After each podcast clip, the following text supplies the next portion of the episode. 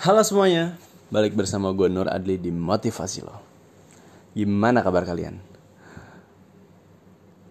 Gue pertama-tama mau mengucapkan selamat untuk lo yang mungkin lagi ngalamin kegagalan lo saat ini. Entah dalam karir, percintaan, ataupun dalam hubungan keluarga. Gue mau bilang selamat karena lo udah gagal dan lo udah mencapai checkpoint di mana lo bisa bangkit dari kegagalan tersebut. Tentunya kalau lo nggak nyerah. Tapi sebenarnya gagal tuh bukan hal yang buruk-buruk banget kok. Kenapa nggak buruk-buruk banget?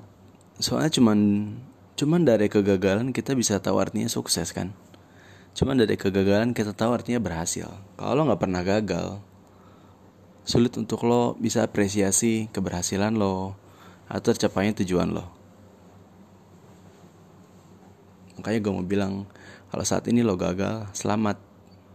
Lo udah maju lebih dekat dengan tujuan lo, kesuksesan lo, atau keinginan lo.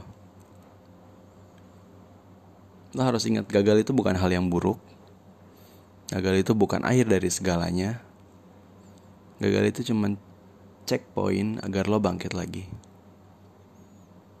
Gue pernah dengar gini deh, kegagalan ada sukses yang tertunda. Bullshit man, lu gagal-gagal aja.